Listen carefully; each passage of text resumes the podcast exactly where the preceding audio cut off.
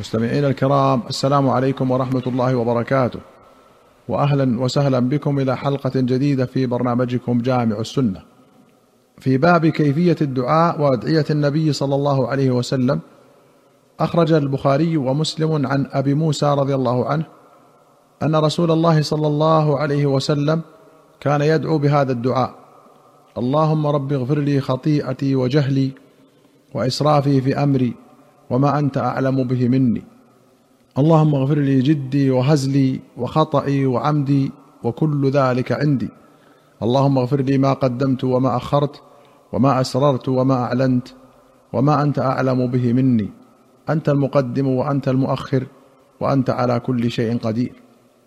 وأخرج مسلم عن عبد الله بن مسعود أن رسول الله صلى الله عليه وسلم كان يقول اللهم إني أسألك الهدى والتقى والعفاف والغنى.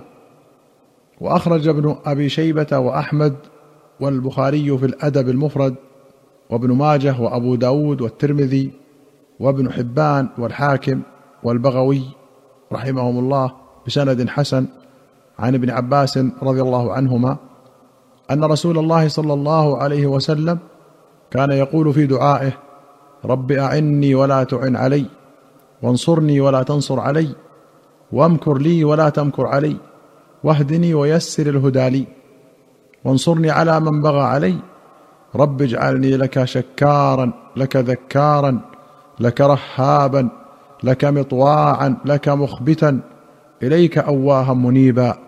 رب تقبل توبتي واغسل حوبتي وأجب دعوتي وثبت حجتي وسدد لساني واهد قلبي واسلل سخيمة صدري. قوله مخبتا أي خاضعا خاشعا متواضعا مطمئنا إلى ذكرك من الخبت وهو المطمئن من الأرض. وقوله اواها أي متضرعا أي اجعلني حزينا ومتفجعا على التفريط. وقيل الأواه البكاء. وقوله منيبا أي راجعا. وقوله حوبتي أي ذنبي وزلتي. والسخيمة الغل والغضب. وأخرج الشيخان عن ابن عباس أن رسول الله صلى الله عليه وسلم كان يقول اللهم لك أسلمت وبك آمنت وعليك توكلت وإليك أنبت وبك خاصمت.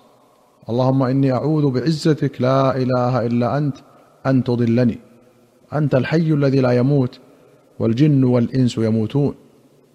وأخرج مسلم عن عائشة أن رسول الله صلى الله عليه وسلم كان يقول اللهم إني أعوذ بك من شر ما عملت ومن شر ما لم أعمل. وأخرج البخاري عن مصعب بن سعد أن سعدا رضي الله عنه كان يعلم بنيه هؤلاء الكلمات كما يعلم المعلم الغلمان الكتابة. ويقول إن رسول الله صلى الله عليه وسلم كان يتعوذ منهن دبر الصلاة. اللهم إني أعوذ بك من البخل وأعوذ بك من الجبن وأعوذ بك أن أرد إلى أرض العمر وأعوذ بك من فتنة الدنيا وأعوذ بك من عذاب القبر.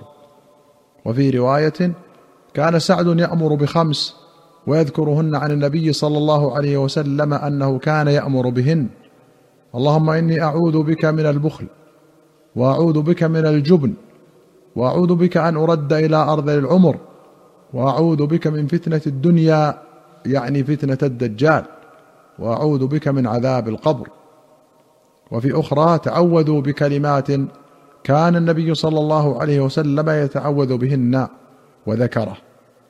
وأخرج الشيخان عن عائشة رضي الله عنها أن رسول الله صلى الله عليه وسلم كان يدعو في الصلاة يقول اللهم إني أعوذ بك من عذاب القبر وأعوذ بك من فتنة المسيح الدجال وأعوذ بك من فتنة المحيا وفتنة الممات اللهم إني أعوذ بك من المأثم والمغرم. فقال له قائل ما أكثر ما تستعيذ من المغرم؟ فقال صلى الله عليه وسلم إن الرجل إذا غرم حدث فكذب ووعد فأخلف. وأخرج مسلم عن زيد بن أرقم رضي الله عنه أن رسول الله صلى الله عليه وسلم كان يقول اللهم إني أعوذ بك من العجز والكسل. والجبن والبخل والهرم وعذاب القبر. اللهم آت نفسي تقواها وزكها أنت خير من زكاها أنت وليها ومولاها.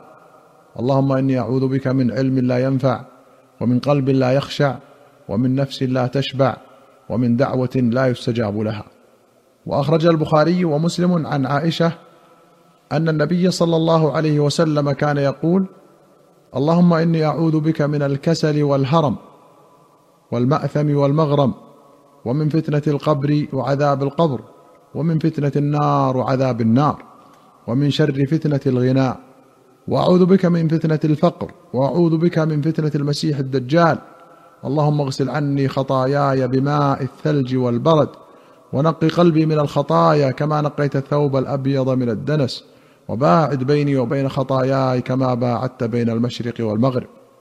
وأخرج الشيخان رحمهما الله عن أنس رضي الله عنه قال كان رسول الله صلى الله عليه وسلم يقول اللهم إني أعوذ بك من العجز والكسل والجبن والهرم والبخل وأعوذ بك من عذاب القبر وأعوذ بك من فتنة المحيا والممات وللبخاري أن النبي صلى الله عليه وسلم قال لأبي طلحة التمس غلاما من غلمانكم يخدمني حتى أخرج إلى خيبر قال أنس فخرج بي أبو طلحة مردفي وأنا غلام رهقت الحلم.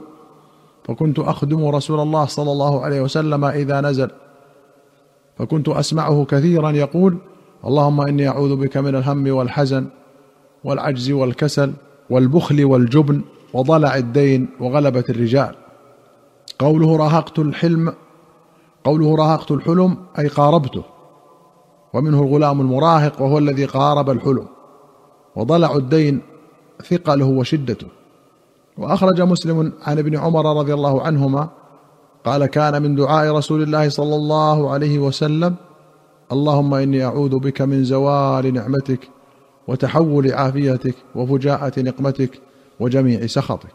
وأخرج أحمد والبخاري في الأدب المفرد وأبو داود والنسائي وابن حبان والحاكم والبيهقي في السنن بسند حسن عن أبي هريرة رضي الله عنه أن رسول الله صلى الله عليه وسلم كان يقول اللهم إني أعوذ بك من الفقر والقلة والذلة وأعوذ بك أن أظلم أو أظلم.